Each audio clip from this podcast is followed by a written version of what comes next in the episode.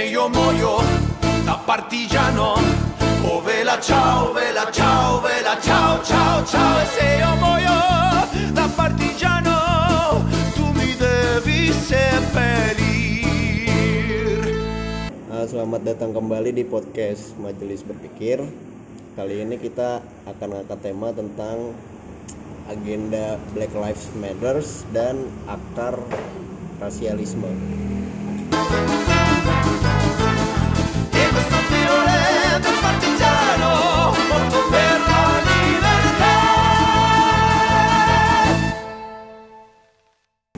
Di sini uh, aku, Ucup, dan ada dua kawan lainnya yaitu Zain dan ada salah satu tamu lah ya? aktivis, ya. tamu. Ri aktivis. Pegiat hak asasi manusia yang tergabung juga di Amnesty International sebagai apa? sosial media ambasador. Nah, silakan memperkenalkan diri deh. Eh, ya ya. Eh, salam perkenalkan nama saya Adit saya mahasiswa Fakultas Hukum Universitas Buana Perjuangan Karawang Eh, saya aktif di aksi Kamisan Karawang saya juga aktif di salah satu lembaga HAM internasional di Amnesty Internasional Indonesia yang eh, menjadi sosial media ambasador lembaga tersebut. Eh, mungkin begitu sih ya. tangan dulu dong buat tamu kita Karena nggak terlalu spesial lah. Kalau udah sering ketemu. nah, tema kali ini kan tentang Black Lives Matter nih, lagi rame kan. Gara-gara lagi tren Iya, gara-gara kasus ada seorang uh, black man lah, orang kulit hitam, George Floyd. Itu katanya mendapatkan perlakuan entah dibunuh atau tidak sengaja terbunuh gitu kan oleh oknum polisi. Nah, akhirnya kan BLM ini ya kita sebut BLM aja ya. Marak tuh di beberapa negara Badan legislatif aksi. mahasiswa itu. Waduh itu. Ya, oh, bukan. Gue kira. BLM badan legislatif. apa tuh BLM dijelasin dulu dong Black Lives Matter jadi kayak slogan untuk mengangkat harkat orang-orang kulit hitam gitu gara-gara ada supremasi kulit putih nah ini kan marak nih di, di, di Inggris di Belgia di Australia dan Iya. berbagai daerah lainnya gitu di Negara negara, lain. lain nah menurut dari Adit dulu deh nih seorang pegiat hak asasi manusia kan terkait masalah BLM ini dari awal lah mungkin dari kasusnya terus kejadiannya sampai impactnya kayak gini tuh kira-kira gimana gitu? Ya, eh, sedikit masuk ya. Eh, mungkin sebelumnya kalau secara historis mungkin gua nggak terlalu paham-paham banget ya karena eh, gua nggak nggak be- begitu terlalu mengikuti isu-isu internasional. Karena bagi gua toh di Indonesia juga banyak kasus-kasus apa namanya pelanggaran hak asasi manusia terhadap orang-orang kulit putih. Eh kulit hitam sorry. Eh, terus di Papua kan. Nah mungkin eh, perihal eh, apa namanya maraknya aksi-aksi solidaritas setelah pasca kematiannya George Floyd yang diakibatkan tadi lu bilang entah dibunuh atau tidak sengaja dan sebagainya mungkin bagi gua ini adalah eh, puncak dari segala eh, ra- apa namanya aksi-aksi ras- rasialisme yang berbau rasialisme yang dilakukan oleh negara Amerika terhadap masyarakatnya sendiri terkhusus masyarakat yang berkulit hitam. Nah, mungkin itu pertama. Yang kedua dampaknya ini sangat luar biasa karena di Amerika sendiri yang katanya negara demokrasi, negara yang liberal, yang bebas dan segala macam ternyata eh, terhadap hak asasi manusia dan harkat dan martabatnya eh, manusia itu sendiri tidak terlalu terlindungi. Nah, ini juga sebagai bukti bahwasannya negara sekelas Amerika yang superpower, adidaya dan sebagainya masih bisa menindas masyarakatnya sendiri. Yang biasanya kita mengenal Amerika sering menindas apa sering menyerang negara-negara oh, yang berbau terorisme yang mereka cap sebagai apa namanya, musuh dari dunia dan sebagainya. Tapi juga mereka menyerang orang-orang yang lemah. Enggak jauh beda lah sama Indonesia mungkin ya. Apalagi yang melakukannya ini adalah aparat, aparat ya aparat. aparat Ini kan sungguh miris. Biasanya kita lihat kan di film-film tuh, ya di film-film kalau negara-negara apa eh, luar itu kalau ada orang jahat ditangkap itu disuruh tiarap kan nurut ya. Iya. Jadi bener-bener pro apa namanya protapnya bener-bener begitu eh, disiplin lah. Orang disuruh ada penjahat disuruh tiarap tiarap di borgol tenang. nggak ada apa namanya nggak ada tindakan represif lah yang dilakukan. Cuman ketika melihat aksi yang dilakukan oleh siapa nama polisinya tuh eh, Chauvin Chauvin gitu nah ya gitu gitulah Derek Chauvin Ah, ya itu. Bener-bener miris gitu. Mirisnya kok dia melakukan tindakan yang melebihi kapasitas dan melebihi, wewenangnya. Aparat semua segala macam aparatur eh, penegak hukum kan mem- memiliki protokol ketetapan dan segala macam ya, Ya. yang harusnya benar-benar diaplikasikan kepada eh, masyarakat yang dianggap melakukan tindakan kejahatan kalau melihat tindakan yang dilakukan oleh aparat tersebut oknum aparat tersebut kan ini membuat apa namanya eh, hati kecil tuh Ya bergebu-gebu lah. ya setega ini gitu Hmm.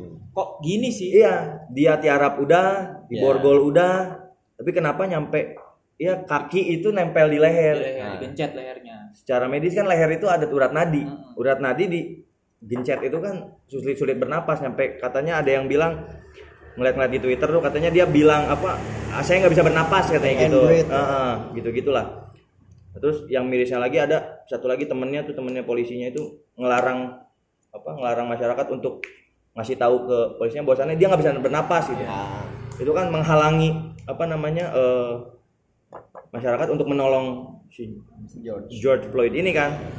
Nggak akhirnya dia meninggal tidak terlo tidak tertolong katanya sempat dibawa ke rumah sakit nggak akhirnya dia dinyatakan meninggal.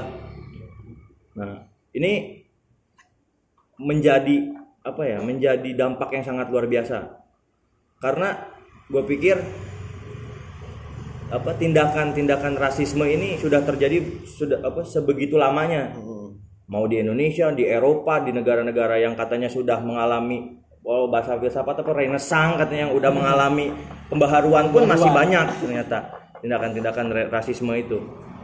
Berarti bohong ya? Bohong, Dusta itu. ya? dusta. Eh, Supremasi kulit putih di luar sana masih masih Masih ada. masih ada. Jangankan supremasi kulit putih, kita aja yang sawo matang masih masih memiliki supremasi ke orang-orang kulit hitam tuh, orang-orang Papua khususnya masih ya banyak terjadi lah. Padahal sawo matang ya. Padahal sawo matang bukan kulit putih. Sawo matang aja udah belagu, apalagi kulit putih. Buset. tapi dipotong dikit ya Siap. Ah, masalah yang George Floyd ini kan sebenarnya pemberitaannya kalau si George ini dia itu transaksi di salah satu toko gitu yang Uang palsu kan? ya Ya, uang palsu. katanya dia menggunakan uang palsu dan mengedarkan uang palsu gitu kan cuman dari dilihat dari video dan foto-foto yang tersebar tentang penangkapan si George ini kan entah mal prosedur tidak sesuai dengan kotaknya atau kalau dilihat dari track record si Chauvin ini gue sempat baca juga di media jadi ada 19 kasus aduan ke dia tuh Hmm. terkait penyalahan gunaan wewenang Hmm. mana yang jadi biasnya di sini kan yang gue bingung eh, kejadian itu pure gara-gara emang mal prosedur atau memang ada indikasi tendensius rasial dari si Chauvinnya ini Hmm. makanya ini kan jadi eh, perbincangan juga gitu Perbincangan hangat. nah soalnya dari 19 kasus itu pernah ada kejadian dia eh, menembak seseorang gitu loh Hmm. Tanpa prosedur gitu kan Hmm. langsung main tembak gitu aja ini kan dari beberapa rentetan kasusnya itu mal prosedur Iya. jadi penyalahgunaan wewenang tapi kalau kasusnya indikasinya memang rasialisme kepada si George berarti memang ya ada pandangan rasis gitu. Ya. Nah, kalau dari Jen menanggapi kasus ini kayak gimana ya kalau gua sendiri ya karena gua baru baca-baca sedikit beritanya baru baca-baca sedikit beritanya ya menurut gua aparat inilah yang harusnya ya karena dia aparat harusnya udah tahu lah prosedur penangkapan itu seperti apa jangan sampai ya asal tangkap aja tidak tidak melihat bahwa itu tuh dia manusia dia Hmm. juga punya hak loh. dia juga punya hak dan dia juga ya apa ya ya tangkap ya tangkap aja maksudnya Hmm. jangan nyampe ada tersakiti dia nyampe Ya. mati kan itu Iya. nggak bisa napas nah itu ya parah lah pokoknya Hmm. anjing. tapi ada kemungkinan indikasi framing media nggak karena kebetulan korbannya ini etnis minoritas Ya. Hmm. Disaakan-akan framing medianya itu tagline-nya perlakuan rasisme terhadap orang minoritas. ya Ya akhirnya BLM ini bisa menyebar ke cuman yang aku Iya. masih apa ya masih ngeganjel sebenarnya BLM ini punya agenda besar apa sih?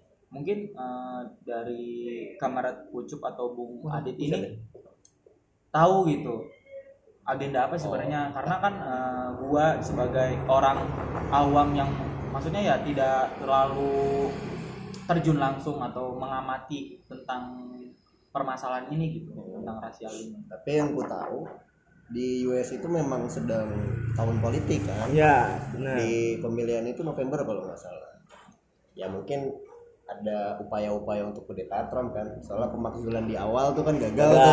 Oh, jadi ada suatu kemungkinan Nah, ditunggangi oleh Partai Demokrat mungkin ya Nah. kan? Gak ada yang tahu ya. nggak ada yang tahu. cuman kalau memang ini untuk membangkitkan kesadaran rasial Sangat bagus, bagus ya kan karena eh, yang namanya manusia di mata hukum sama kan Ya. derajatnya jadi nggak boleh ada pembedaan Hmm. dari kulit terus kekayaan dan semacamnya Ya semua sama, setara. eh jatuh nah menurut kalian berdua nih gerakan BLM yang sedang marak di dunia ini emang pure memperjuangkan tentang rasialisme atau gimana nih kira-kira Waduh. Pertanyaannya makin ngeri nih. Berat, sangat berat. Eh, mungkin tadi menyikapi dari eh, sahabat Ucup dulu ya yang menanggapi bahwasannya eh, katanya George Floyd ini melakukan tindakan kriminal ya apa eh, melakukan transaksi di sebuah toko menggunakan eh, uang palsu segala macam. Bagi gua mau dia melakukan tindakan kriminal apa pun, lakukannya sesuai prosedur. Nah, betul, sepakat. Tangkap, bawa ke meja hijau, bawa ke pengadilan, silakan hukum seberat-beratnya. Emang kalau misalkan dia melakukan tindakan kejahatan, Iya. kan ada eh, apa ada pepatah hukum itu mengatakan eh, Jendrap Jonder School katanya jadi nggak ada tindakan pidana kalau nggak ada eh, namanya sebuah eh, namanya nggak ada sebuah nggak ada sorry sorry sorry nggak ada sebuah eh, tindak pidana kalau nggak ada perbuatan Nah, sekarang kalau misalkan dinyatakan apa namanya eh, George Floyd ini melakukan tindak pidana, harus ada tindakannya. Apa tindakannya? Kalau misalkan dibilang transaksi pakai uang palsu, sok silakan buktikan meja pengadilan. Jangan melakukan tindakan sewenang-wenang. Bahwasannya mereka aparat memiliki imunitas terhadap segala sesuatu, dia seenak-enaknya apa namanya menaruh lutut di atas leher, represif lah ya represif lah. Padahal kalau secara apa masyarakat awam ngelihatnya badan George Floyd sama polisinya aja masih gedean George Floyd. Itu kalau dilawan pasti juntai itu. Cuman kan ada sisi baiknya George Floyd yang badannya sebegitu besar masih tidak ada perlawanan tidak ada perlawanan, masih menghormati. masih menghormati hukum. Kenapa? Ya itulah yang sangat disayangkan mungkin ya. Nah terus ngebahas apa namanya framing media segala macam. Ini yang tadi eh, sahabat Ucup bilang setuju lah apa namanya ada tahun apa eh, momentumnya te- tepat ketika tahun politik. Iya. apa namanya eh, Trump dimakzulkan versi pertama gagal mungkin ini versi kedua. Dan momentumnya pas ketika ada orang kulit hitam yang di apa namanya yang dibunuh lah bisa dibilang. Nah lantas yang sangat disayangkan ini eh, mungkin banyak pertanyaan dari dari dari masyarakat atau dari publik itu. Gerakan solidaritas muncul kalau biasanya biasanya nih ya biasanya yang yang gue tahu aksi solidaritas ini muncul ketika misalkan ada seseorang yang ditangkap di luar hukum misalkan ditahan atau jadi tapol atau misalkan eh, ketika ada pelanggaran hak asasi manusia yang tidak selesaikan secara hukum. Nah, cuman yang yang jadi pertanyaan bagi gue ini George Floyd sudah tiada, polisinya sudah di Ya, apa dihukum, sudah dihukum, penjara, sudah dihukum penjara, dipecat, digugat cerai oleh istrinya segala macam. Tapi gerakannya makin masif nih. Iya. Ini memang ada pertanyaan. Terus juga bukan di Amerika aja, di seluruh hampir seluruh negara-negara besar tuh di Inggris, di Australia, di Prancis semua turun. Mungkin banyak pertanyaan ini ada agenda apa segala macam. Gua nggak mau menyebarkan hoax atau segala macam ya yang nantinya bisa menyesatkan publik. Gue kurang paham kalau ke situnya. Cuman ada adigium sosiologi yang bilang bahwasanya kita perlu hati-hati dan perlu curiga terhadap gerakan yang datangnya secara besar-besaran dan tiba-tiba. Nah, ini kan datangnya tiba-tiba nih. Gara-gara suatu tanda tanya. Iya, tanda besar, tanya. gitu ya. datang ketika emang oke lah momentumnya pas ketika um, apa George Floyd meninggal tapi kok secara besar-besaran terus menerus Masif ada, lagi. ada apa nih ya cuman karena gua nggak mau menyebarkan hoax dan gua nggak tahu akar permasalahannya itu apa dan kenapa gerakan itu sekian apa begitu masif besar. Donaturnya siapa? Supportnya dari mana? Kan gua nggak tahu. Cuman yang yang tadi sahabat Ucup bilang untuk menyadarkan publik bahwasannya supremasi supremasi kulit putih ini harus segera ditumbangkan. Egaliter. Harus egaliter. Mau kulit hitam mau kulit putih mau miskin mau kaya semua sama di mata hukum. Nah yang patut dipertanyakan di sini apa namanya eh, posisi Donald Trump sebagai presiden dari negara Amerika yang mengeluarkan statement yang mengundang kontroversi emang maniak pada dasarnya. Nah ini yang sangat di yang sangat di benar-benar yang sangat di apa namanya Sayangkan. disayangkan oleh kita semua. Seorang kepala negara yang masyarakatnya di- diperlakukan demikian kok malah meng- mengeluarkan statement yang sangat kontroversi. Yang juga secara konsep politik dia juga apa mengancam keberadaan partainya untuk pilpres tahun depan atau tahun ini tahun ini sorry yang harusnya dia apa namanya menunjukkan sebuah eh, kepedulian sebuah Kredibilitas lah ya. kredibilitas. Ya seminimal mungkin kepura-puraan lah.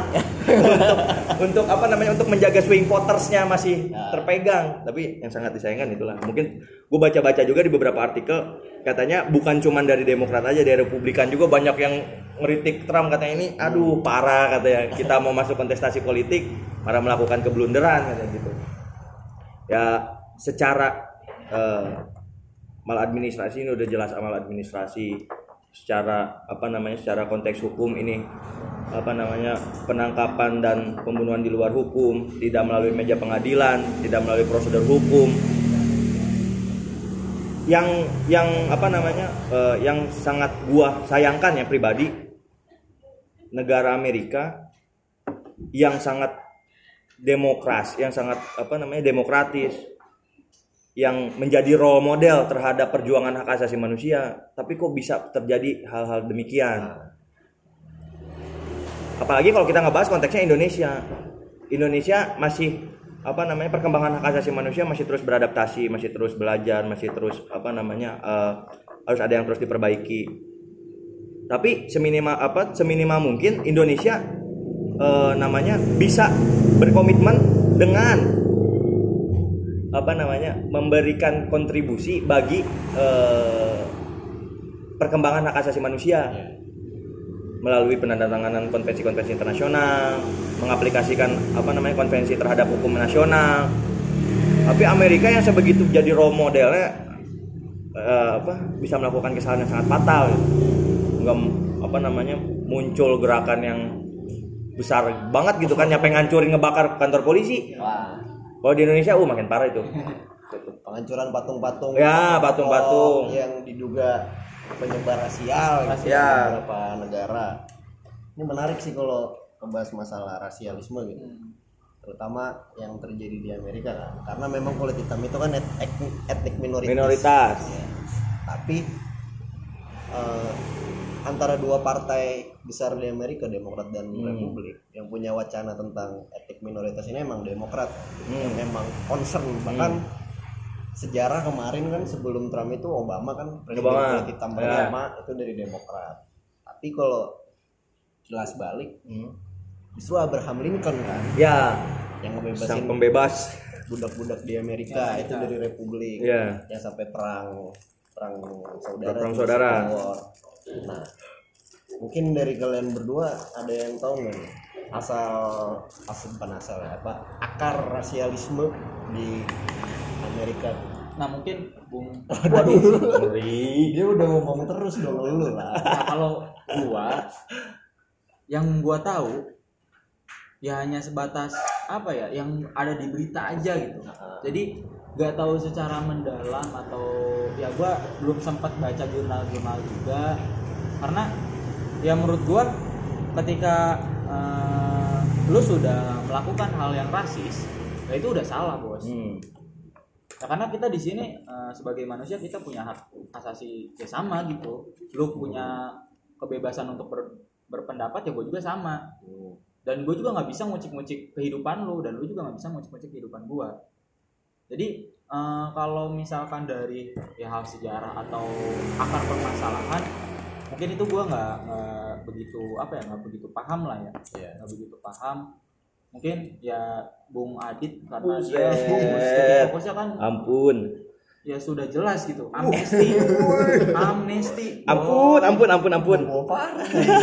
jadi ya mungkin suhu ini bisa memberikan gua Kita tektok aja lah jangan terpaku satu orang. Eh, Ya adit dulu deh. mungkin ntar gua mungkin ntar gua Nambahin. eh, eh, nambahin atau na- menanyakan gitu ada yang nggak ngerti Karena kalau aku pribadi selama pandemi ini gara-gara nggak tahu harus mau ngapain gitu di rumah jadi ya udah baca-baca berita-berita gitu sampai akhirnya baca-baca sejarah lagi bagus sih itu hmm, positif itu itu kegiatan yang produktif lah. iya Bagus. bagus. anda positif gabut juga di rumah Anda juga. positif. di apa corona anda positif lakukan hal yang positif maksudnya tapi kan kalau ngomongin rasialisme di US itu nggak lepas dari kolonialisme Oh jelas jelas. nah gimana tuh Kalau ngebahas akar rasialisme nggak bisa dilepaskan dari dua konsep, Apa? kolonialisme dan imperialisme. Mm-mm. Negara Amerika kalau kita lihat negara Imperial. superpower, negara adidaya yang jelas imperial. iya betul Negara imperialis yang secara konsep historis emang dari dulu dari zaman entah siapa itu namanya gue lupa. Itu udah melakukan yang namanya perbudakan terhadap kulit hitam dan sebagainya. Yang tadi apa sahabat Ucup bilang Abraham Lincoln muncul sebagai pembebas daripada perbudakan. Dialah sa- satu orang pahlawan. Iya, lalu apa namanya singkat cerita banyak banyak apa namanya banyak eh, tokoh-tokoh yang melakukan hal serupa seperti Nelson Mandela, Martin Luther King Jr. Lalu X ya Malcolm X dan Davis. apa namanya salah satu tokoh pendiri bangsa kita juga kan menjadi salah, salah satu penggagas yaitu Bung Karno melakukan konferensi Asia Afrika. by the way kemarin ulang tahun Oh yo itu Ya. selamat ulang Selamat tahun ulang buat tahun. Bung Besar salah satu role model kita yang belum kesampaian sampai hari ini pemimpin besar revolusi iya yang menghimpun segala apa namanya keluh kesah negara-negara Asia dan Afrika apa terus di Afrika yang apa namanya eh, tindakan rasisme ini menjadi eh, darah daging karena terjajahnya negara-negara Afrika oleh negara-negara yang memiliki supremasi kulit putih.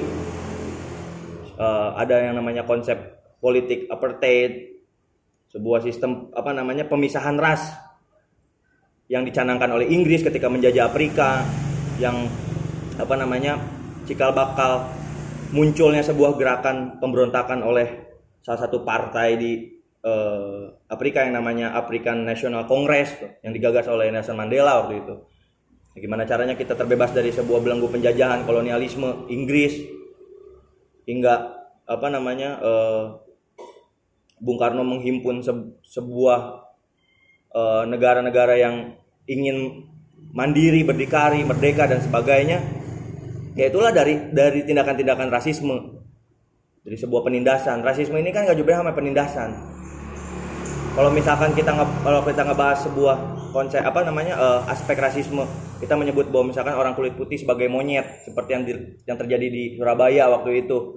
Mahasiswa apa? hitam kali eh kulit hitam apa namanya eh, yang dilakukan oleh beberapa ormas terhadap masyarakat apa mahasiswa Papua disebut monyet itu kan tindakan rasisme tapi secara apa namanya eh, secara aspek lain kan itu ada sebuah penindasan menindas masyarakat atau sebuah kumpulan yang minoritas. Minoritas. mereka menganggap bahwa diri mereka adalah yang paling terkuat pang aina ya secara Sundana pang aingna lah berdegung kita berdegung ras unggul Heeh, ras unggul katanya mah. Karena sarwa wae dah. Orang teu bodas-bodas amat ya. Eh kalau kata Jared Diamond mah yang nulis buku apa Gun Games and Steel tuh, ah ya dia apa namanya melakukan penelitian bertahun-tahun di Papua, Nugini di Papua dan sebagainya. Dia melihat kons- dia dia berhasil menyimpulkan bahwasannya ini menurut beliau ya bukan menurut saya. Menurut beliau itu eh, akar rasisme itu sebetulnya apa berasal dari sifat keangkuhan. Menganggap bahwa dirinya ini serba bisa contohnya serba mengetahui. Padahal kalau kita jabarkan dan bedah nggak semuanya manusia bisa melakukan apa yang apa namanya eh, apa yang di eh, apa, apa yang dia ketahui misalkan ketika dia melakukan penelitian di Papua. Ketika orang kulit putih datang ke sana untuk metik kelapa aja dia nggak tahu gimana caranya.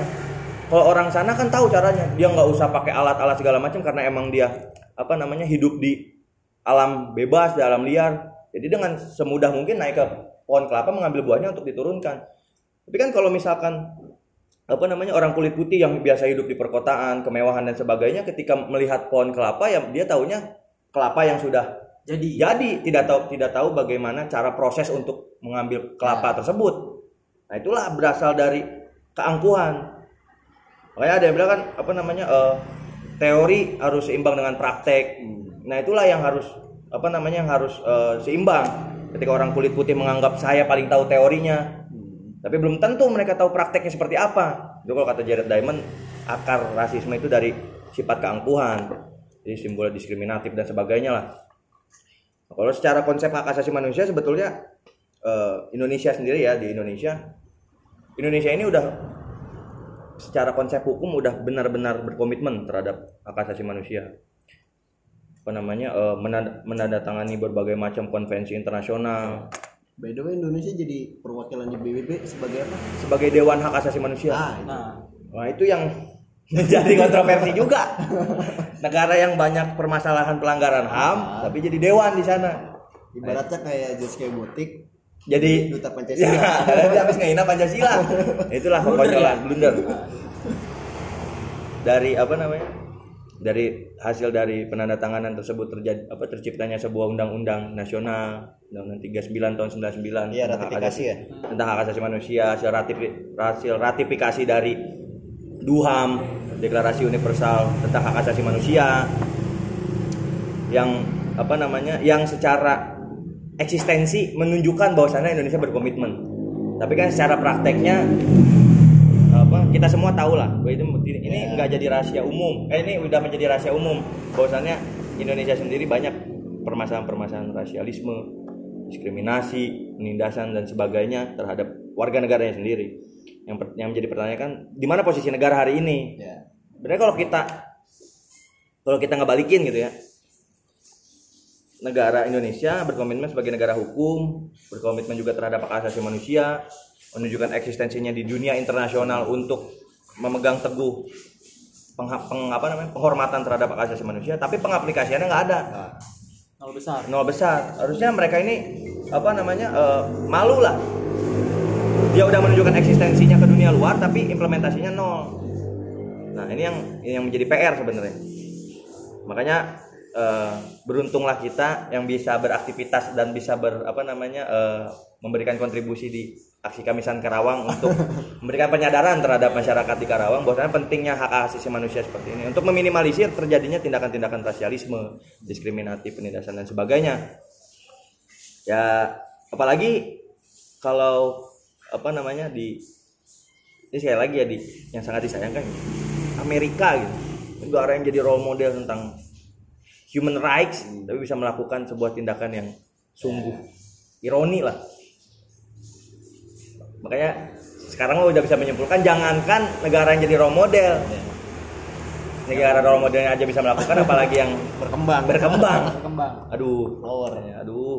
Mungkin gini sih gue sem apa ya dari apa yang sudah dijelaskan oleh Bung Adit ini. Padet tuh ya Nah, penjelasan. cuman yang bisa gua garis bawahi bahwa ternyata runtutan atau ya saling ber, berhubungan gitu antara rasisme terus kolonialisme Ya. imperialisme Ya. nah di sini bahwa tadi yang sudah di riset dari siapa Jared Diamond Diamond. Jared Diamond. Hmm. Nah, dia bilang bahwa uh, rasisme ini awal mulanya itu dari keangkuhan. sifat gangguan Nah, berarti kita sebagai padahal mah hakikatnya manusia ini adalah orang yang ya komunal lah, benar? Komunal yang harus benar-benar saling membutuhkan. betul Tapi yang anehnya itu kita selalu apa ya? Selalu sok-sok bisa atau sok minterin ya lu pokoknya kudu gini, kudu gitu. Padahal mah kita saling membutuhkan. Nah, di sini gue pikir bahwa titik permasalahan ini tuh sistemnya dari sistem atau eh, apa? Kita sistem sih. Nah sistemnya itu apa no? kolonialisme. Apa apa dari kapitalisme ini sehingga kita menjadi seorang yang individual? Bisa bisa atau kan kalau misalkan kita tarik eh, dari zaman dahulu lah ya zaman kita masih komunal itu kita saling barter kita saling bahu membahu gotong royong. Ketika kita mau makan ya kita bareng-bareng. Dan hasil hasil buruan itu kita makan bareng-bareng. Sedangkan eh, zaman sekarang ya kita sudah hidup dengan indi- individualisme. Karena ya udah gua kerja gua dapat duit gua makan ya hasil makannya itu buat gua sendiri. Hmm, bisa. Nah mungkin itu jadi apa ya rasa-rasa anjing aing pang aingna. Hmm, bisa, bisa, bisa, bisa. aing pang aingna ya udah siapa kia kia kia kia akhirnya timbullah diskriminasi Ya. rasisme. Mungkin ya kita tanpa kita sadari bahwa eh, dalam kehidupan kita itu hal kecil aja kita sudah ya pernah melakukan mungkin ya Hmm. pernah melakukan ya mungkin untuk pendengar podcast Majis berpikir ya jangan sampailah kalian melakukan hal kecil untuk melakukan diskriminasi Betul. terus eh, rasisme jangan sampai kalian ya mentang-mentang kalian kulitnya putih atau sawo mateng menghina-hina itu kan juga hal-hal Ya. kecil yang mungkin tidak disadari atau sudah disadari karena kita lahir nggak bisa custom kan Betul. nggak bisa milih warna kulit apa Betul. Ya kan? Lagi kan kalau kata apa eh, pasal 1 Duham itu menyebutkan bahwa semua orang itu dilahirkan merdeka, mempunyai har, apa martabat dan hak hak yang sama, merdeka dikaruniai akal dan hati nurani yang hendaknya bergaul satu sama lain. nah itu tidak menciptakan konsep individualistik kan, individualisme yang hidupnya masing-masing. Padahal kita semua sama. Makanya ini apa namanya eh, sebenarnya sebenarnya ini beban negara, tugas negara yang harus menuntaskan. Karena bagaimana negara menciptakan sebuah siklus yang bisa menghargai dan menghormati eh, hak asasi manusia. Karena sekarang begini, negara nggak akan ada negara kalau nggak ada manusia Hmm, nggak akan ada masyarakat.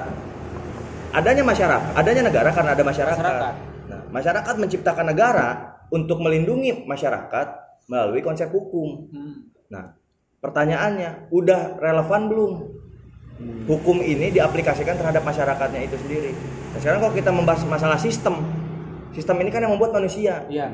Nah, kenapa sistemnya apa namanya eh, tidak tidak tidak bagus lah? Ya karena manusia yang membuat sistemnya juga nggak bagus. ya karena manusia yang buat karena manusia apa yang membuatnya? Kecuali robot. Iya. Sebenarnya kalau kita misalkan apa namanya sistem, sistemnya buruk, yang menciptakan manusia, Ya, manusianya yang buruk, sehingga manusia yang buruk menciptakan sistem yang buruk. Harus manusia yang baik, yang paham akan yang namanya konsep hak asasi manusia, yang mengerti bahwasannya apa namanya eh, hadirnya negara ini untuk melindungi masyarakat, pasti akan menghasilkan sebuah sistem yang sangat luar biasa. Cuman ya sekali lagi banyak orang-orang yang apa yang disebut oknum lah ya, Ya. yang merusak. Tentu kayak ketika apa namanya eh, ketika Amerika apa terjadinya sebuah perang saudara hingga akhirnya mereka bersatu hingga akhirnya mereka apa namanya eh, menghargai satu sama lain. Tapi ada aja gitu orang-orang yang ngerusak tuh. Yang apa namanya yang kita yang kita kenal sebagai apa pembebas perbudakan Abraham Lincoln. Yang susah payah mau ngebebasin kulit hitam mau kulit putih semuanya sama. Mau itu apa namanya walaupun dia kulit hitam dia nggak pantas dijadikan budak kita hidup bersama. Susah payah nih dia tuh kerja keras untuk membebaskan itu. Sekian puluh tahun generasinya cucu cucu apa namanya? Cucu cicit segala macamnya merusak. Ini kan yang jadi keprihatinan kita. Eh sama sama kayak di Indonesia. Bung Karno susah payah apa namanya menghimpun segenap Bineka Tunggal Ika ya? Iya. Membuat konsep falsafah segala macam, menghimpun negara-negara yang tertindas untuk bos jangan diem aja bos. Ya. Kita ini negara besar, nggak bisa nih kita diem aja nih. Kita cuma ditindas sama konsep doang masa lembek. Sama kolonialisme imperialisme lawan, dilawan lah, dilawan dihajar. Cucu-cucunya kan sekarang brengsek semua nih. Aduh. Brengsek ya? Brengsek itu. Lagi apa namanya? Ketika apa eh aduh tadi gue mau ngomong apa ya? Lupa gue banyakan ngomong nih jadi lupa. Minum dulu, minum. Ngopi-ngopi ngopi dulu ngopi. Apa? Eh yang namanya melawan kolonialisme gitu ya. Ah, anti kom Anti- anti kom anti kolonialisme Iya, anti kolonialisme. Kan seperti pidatonya kan I hate im- kolonialism, I distract imperialism. Tapi muncul lagi nih neokolonialisme, neo-imperialisme hingga lahirnya kapitalisme segala macam tek-tek bengek yang apa namanya eh, sebenarnya nggak masalah sih mau ada kapitalisme mau ada neo apa mau ada neokolonialisme mau ada neo imperialisme Se- selagi masyarakatnya sadar untuk melakukan sebuah perubahan terhadap tatanan yang emang udah ambura yang udah amburadul yang harusnya diperbaiki itu bisa bisa aja dilawan.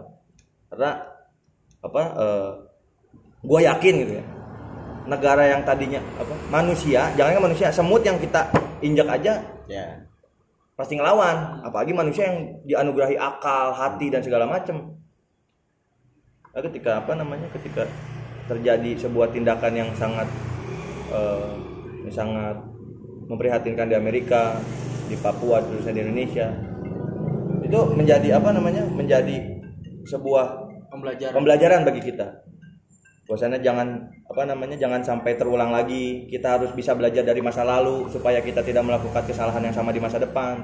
Cuma pertanyaannya bisa nggak kita belajar seperti itu? Itu. Kita kan kita kan manusia biasa yang nggak memegang sistem. Orang-orang yang di dalam sistem bisa nggak mengaplikasikan itu? Kan gitu. Ah. panjang juga dia ngomong.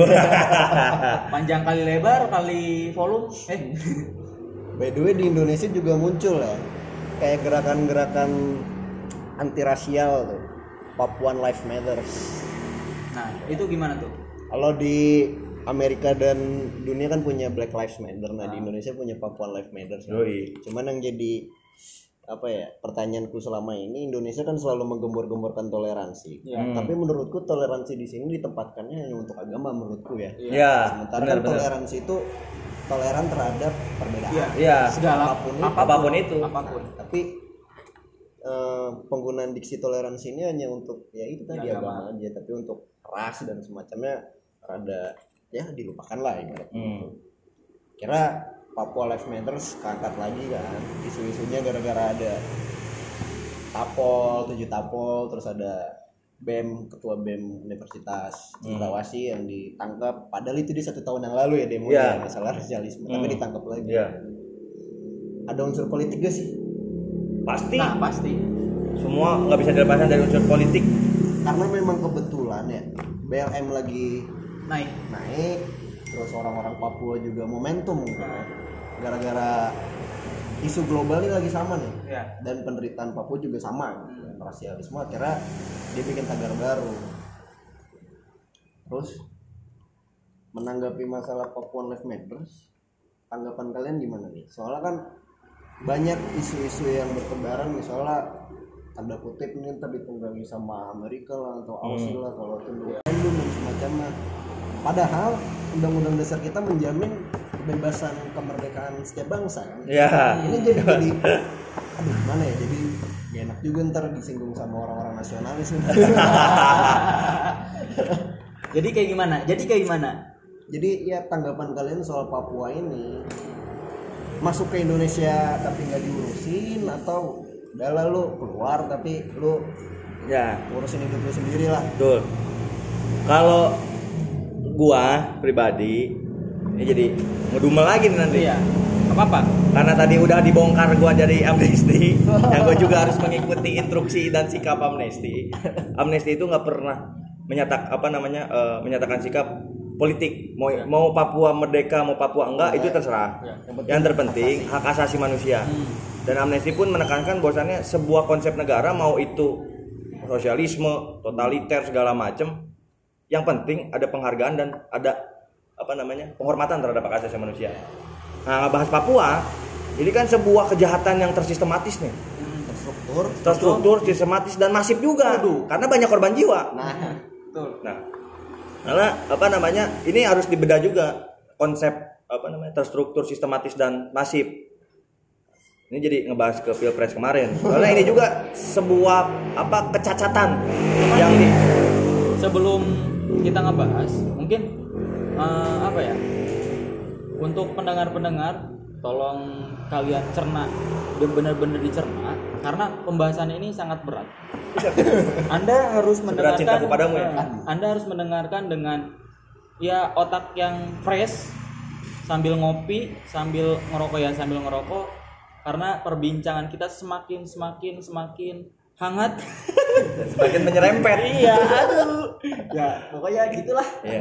Dan jangan lupa kalau misalnya kita habis bikin podcast ini hilang, bikin aksi solidaritas juga. iya Jongin hak kita gitu. Iya. Pertama buat demong nih kamisan kan. Yoi, Kalau kita yoi. hilang nih, Benar, benar. Kami sana harus bikin aksi menolak ingat. Ayo lanjut.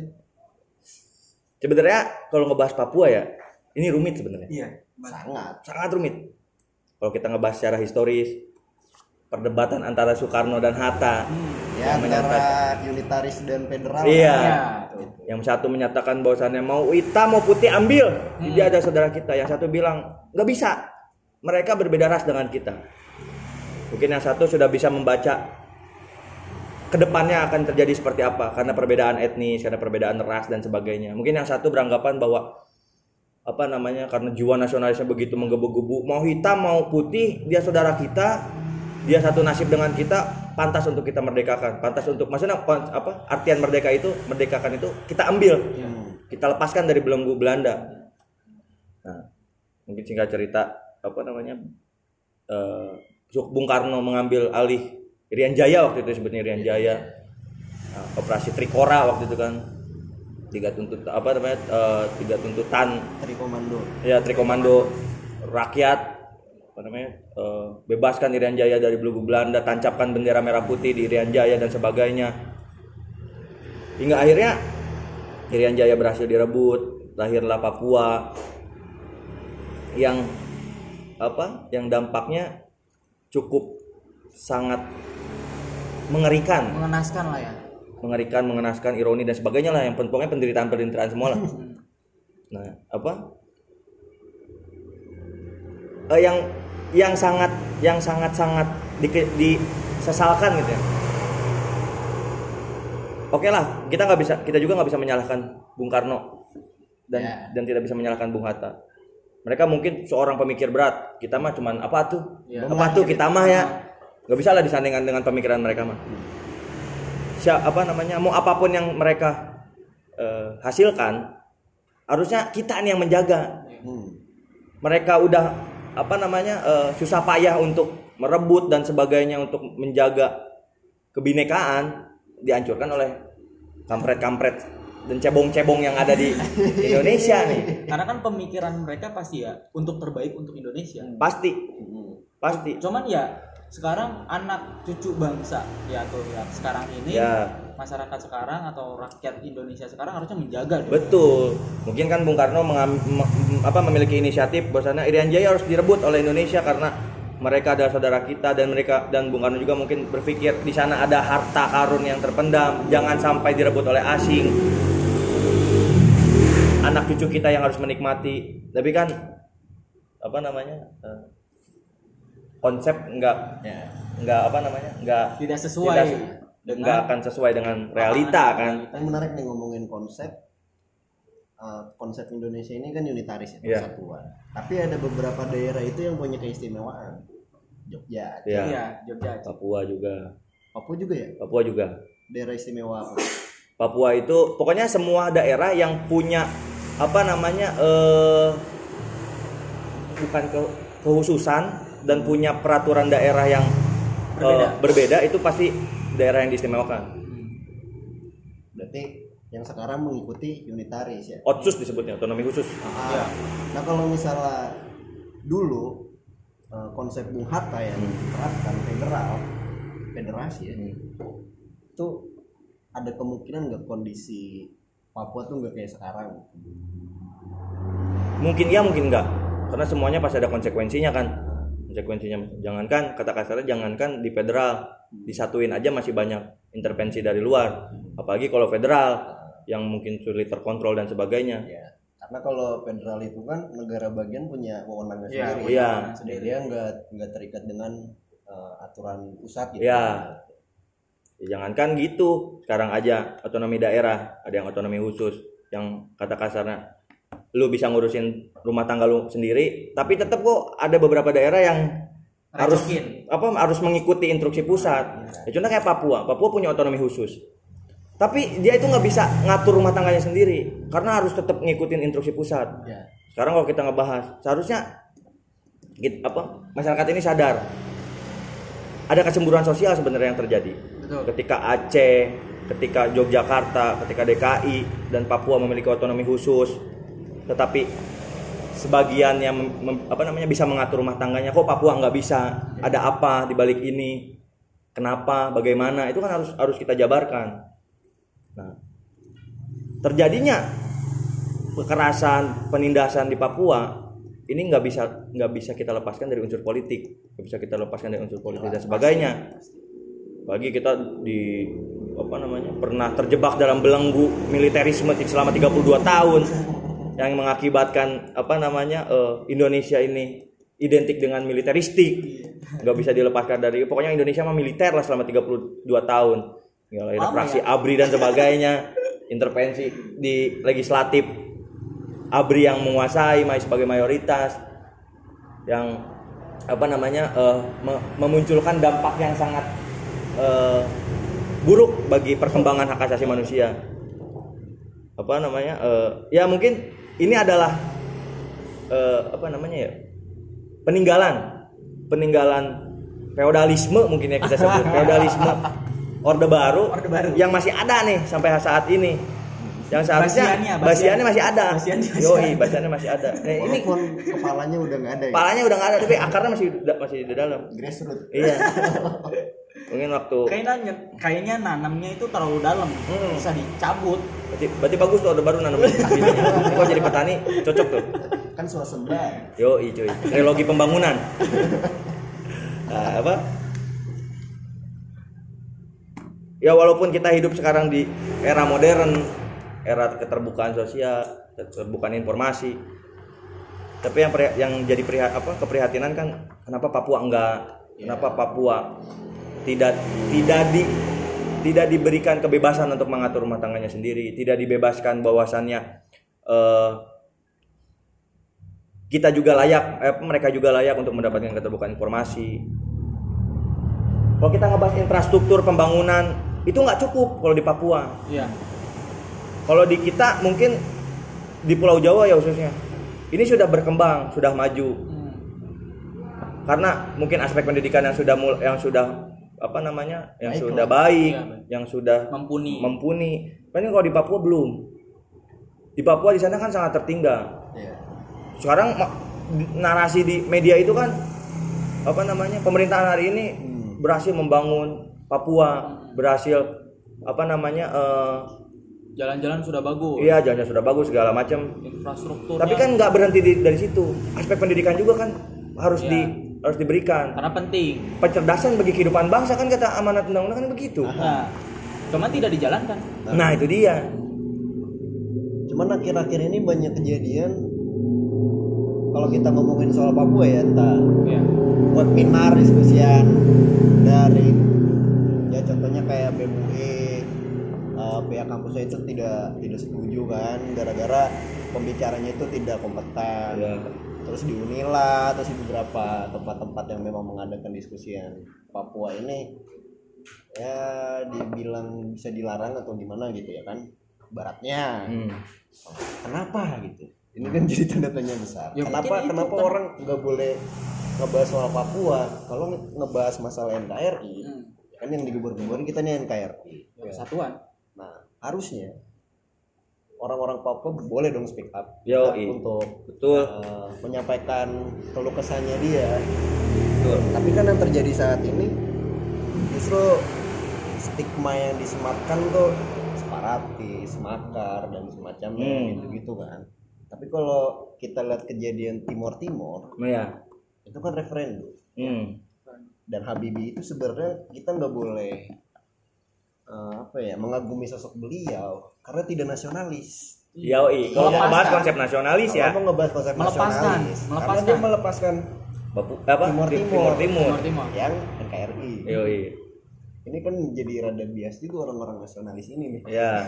jadi jadi siapa sih orang-orang nasionalis enggak maksudku kenapa uh, pembicaraan masalah Papua ini cenderung sensitif banget gitu ya kita membicarakan Papua atau isu Papua pasti hilang pasti ditangkap karena ya pasti eh, apa ya di dalam kasus ini atau isu ini ada suatu makar atau isu yang sangat waduh Hmm. ditutup-tutupi Ya. rahasianya teh banget banget banget pokoknya Iya.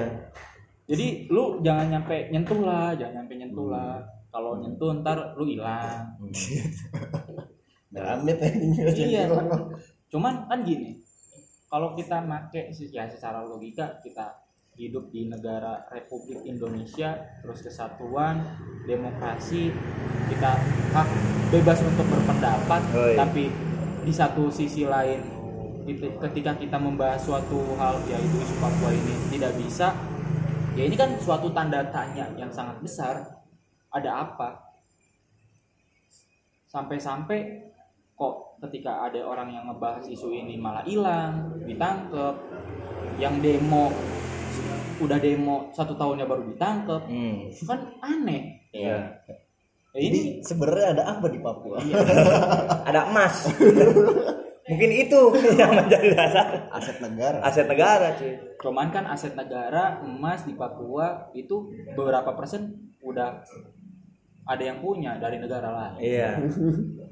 ya kan? Panjang juga bahasanya. Iya juga ya. Hmm. Hmm. Cuman karena terlalu melebar ke isu apa ya? Maksudnya terlalu melebar lah. Ya, kita balik lagi ke balik konteks aja. balik lagi ke Tentang konteks rasialisme. tentang rasialisme. Nah, di sini sih yang gua garis besarin tentang BLM atau sebenarnya program apa atau eh, sebenarnya tujuannya itu apa sih? Kalau misalkan ke politik, nah politiknya ini apa yang bakal dia tuju? Misi apa sih sebenarnya yang dia bawa? Nah, kawan atau kamarat Ucup atau Bung Adit ada yang mengetahui ini atau ya apalah sekilas-kilas BLM itu kan yang dilawan supremasi, supremasi kulit putih. Heeh.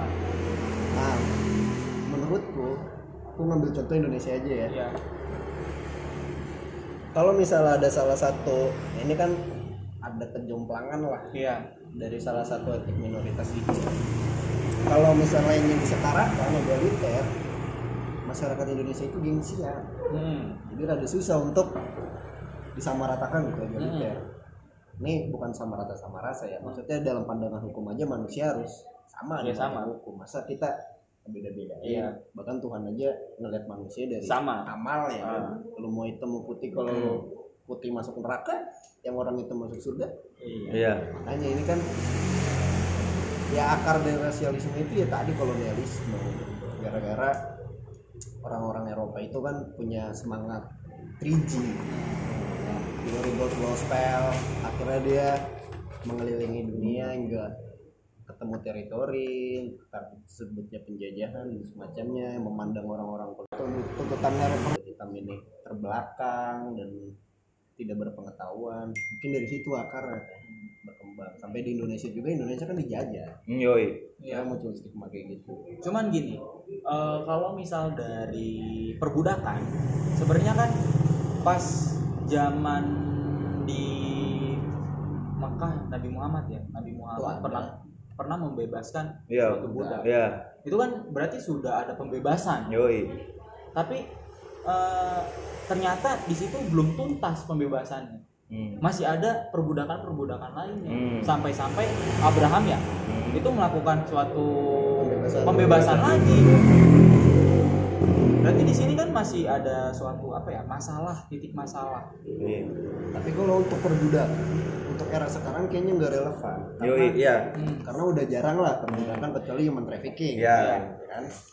Yang jadi masalahnya ini kan eh, rasisnya itu loh. Ah. Anggapan bahwa ya ras minoritas dan ras unggul kayak gitu-gitu yang jadi soal. Kenapa orang ngeliat kulit hitam tuh ya itu deh. iya Nah kalau saranku kita balik lagi aja ke teori Darwin, apa tuh teori evolusi. Hmm. Jadi supaya tidak ada perpecahan, kita semua sepakat bahwa manusia itu berasal dari monyet. Iya. Ya. Eh. Jadi kan yang kulit putih, yang kulit hitam ya sama lu monyet lu monyet. Ayo. Itu kan gak ada perdebatan nah nanti. betul Tapi ada beberapa orang yang gak sepakat juga kan. Iya. Heeh.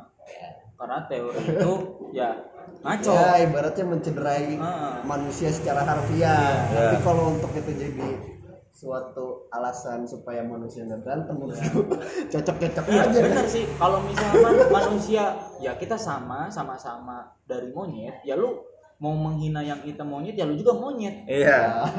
Iya kan? iya nah itu itu pem- pemersatu bangsa teori, teori Darwin mempersatu bangsa Ya sekarang pandangan kita kan dari Adam. Nah, Semua manusia dari Adam. Tapi Iya. kenapa ada rasis? hmm. Justru Iya. Darwin itu lebih revolusioner. Dia sudah menyamaratakan manusia sebagai monyet.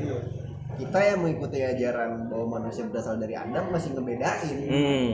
Yang ono hitam dulu sono putih sini. Ya. Kan jadinya aduh gue nggak mau ah ini soalnya berkaitan dengan teologi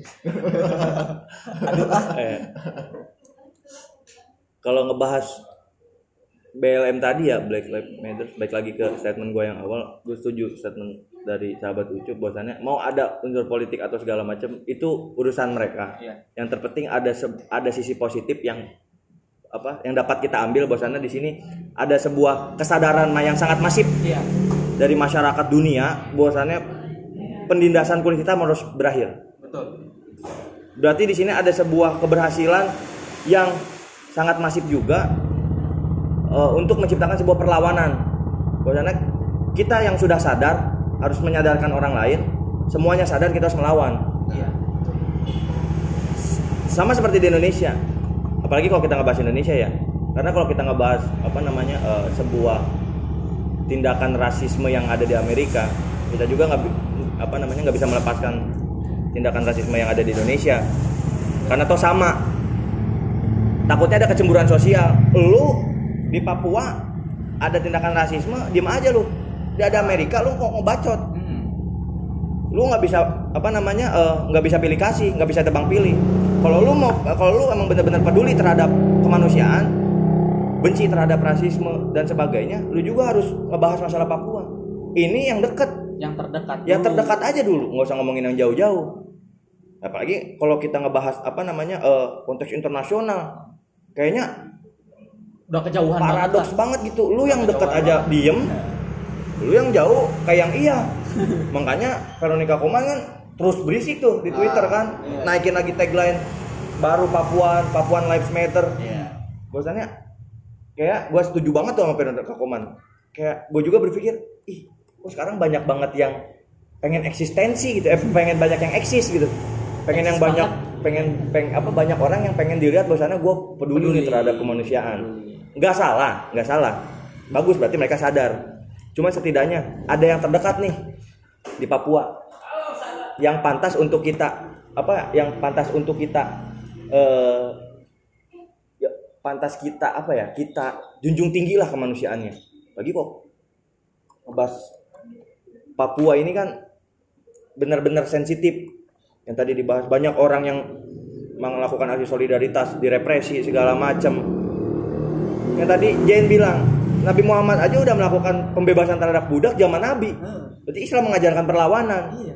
Kok yang kita kok yang terjadi di Indonesia di Surabaya khususnya ormas-ormas Islam yang melakukan rasisme terhadap mahasiswa Papua.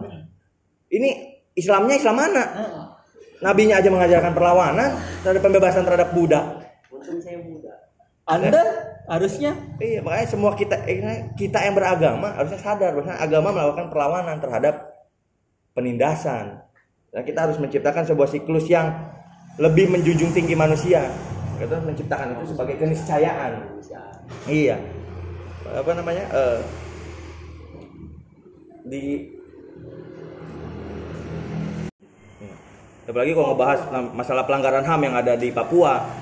Ada beberapa pelanggaran HAM yang ada di Papua kan Wamena, Wasior, Paniai. Itu belum terselesaikan sampai hari ini. Itu banyak juga pembunuhan di luar hukum yang dilakukan oleh aparat yang menjadi korban juga bukan cuma laki-laki banyak juga perempuan anak kecil yang di yang dibunuh tanpa ada proses pengadilan yang dicap sebagai ekstremis, ingin merdeka segala macam. Tidak ada dialog yang dilakukan oleh negara terhadap masyarakat Papua. Yang dilakukan hanya sebuah apa namanya klaim bahwasanya kita peduli terhadap Papua, kita melakukan pembangunan segala macam. hanya klaim Hanya klaim. Sekalipun itu terjadi, itu tidak menyelesaikan masalah di Papua. Karena yang yang dibutuhkan Papua adalah rasa kemanusiaan kalau kata Gubernur Papua Barat itu yang pernah diundang ke Mata Najwa. Ya. Segitu itu salut banget tuh gua kalau nonton itu. Ini seorang apa namanya? eh sebutnya apa ya? Sebuah seorang gubernur, seorang apa namanya? pejabat birokrat tapi berani menyuarakan show up dia show Iya, berani menyata apa menyuarakan kebenaran gitu loh. Yang secara politis kan waduh sensitif, Bro. Iya. Kita kita ngeritik pusat. Sedangkan kita juga pejabat birokrat. anda bisa diturunkan Iya, tapi, tapi dia berani karena ini urusannya urusan maslahat umat. Eh, umat Umat manusia khususnya ya, bukan umat agama. iya Ya kan apa? eh, pesan saya lah menyikapi soal rasial, menyikapi soal rasisme, mau di Papua, mau di Amerika, mau di mana pun, mau sampai ke ujung dunia. Kalau emang bener bumi datar berarti ada ujungnya. Mau sampai ujung dunia pun, jangan sampai ada tindakan-tindakan seperti ini. Ada mau kekerasan, penindasan, dan pemberangusan akan terus terjadi. Itu nggak bisa direm. Nah, bisa direm kalau ada desakan yang masif. Yang terus dilakukan oleh masyarakat yang sudah sadar. Suara rakyat kan adalah suara Tuhan katanya. Vox Populi, Vox Dei. Ya kalau misalkan Tuhan sudah meridoi, niscaya jangan takut. Seharusnya negara ini jangan takut sama misalkan ada yang apa namanya? Ada yang menyuarakan tentang Papua. Oh ini makar, makar Tuhan lebih sadis daripada makar manusia. Ada. Ya, kalau Tuhan sudah menghendaki, kun payakun, Papua bebas dari penindasan, bebas. bebas Amin. Menyuarakan kebenaran adalah jalan utama. Kalau di mana disparitas terus terjadi. Disparitas ini kan hukum terus berkembang, apa namanya implementasi terus menurun. Nah itu terjadi banget tuh di Indonesia. Hukum terus berkembang, hak asasi manusia terus berkembang. Konvensi internasional ditandatangani, hukum nasional sudah banyak yang dimodifikasi, dikodifikasi dan sebagainya. Tapi implementasinya sangat menurun. Kemarin apa namanya eh, berhasil menang di di PT UN bahwasannya pemerintah Jokowi hari ini melakukan sebuah kesalahan yang sudah memblokir internet di Papua.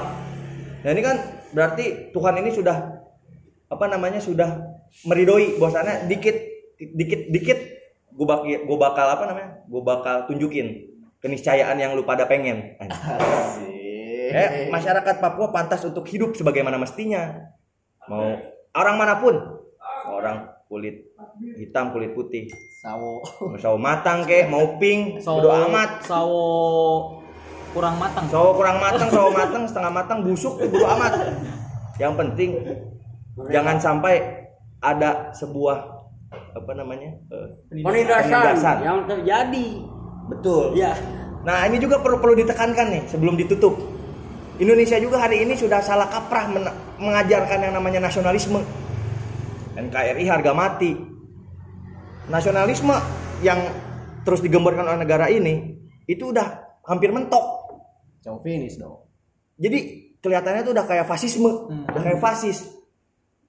Jadi na- nasionalisme itu cuman dianggap sebagai simbol. Bendera Garuda ada di bawah ribut. Reaksioner. Ya. Tapi implementasinya nggak ada. Mereka lupa nggak akan ada negara kalau nggak ada manusia. Sebelum men- sebelum mencintai negara, cintai dulu manusia.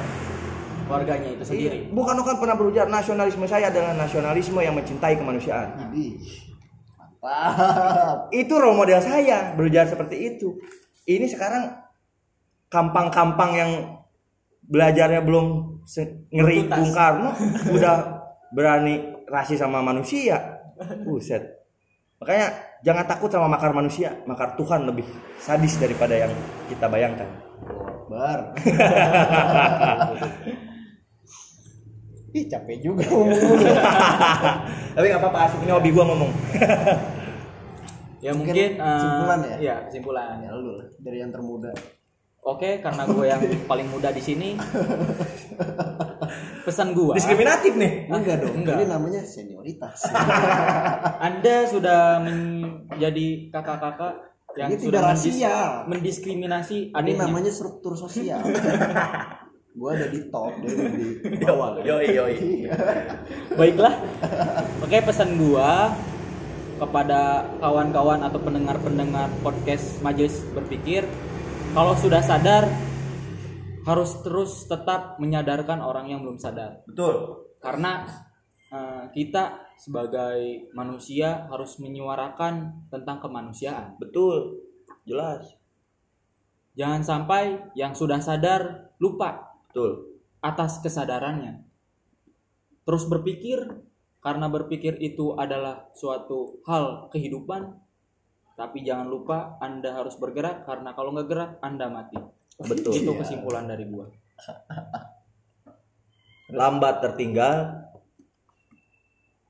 Lam- lambat tertinggal. Malas tertindas, dia mati. Betul.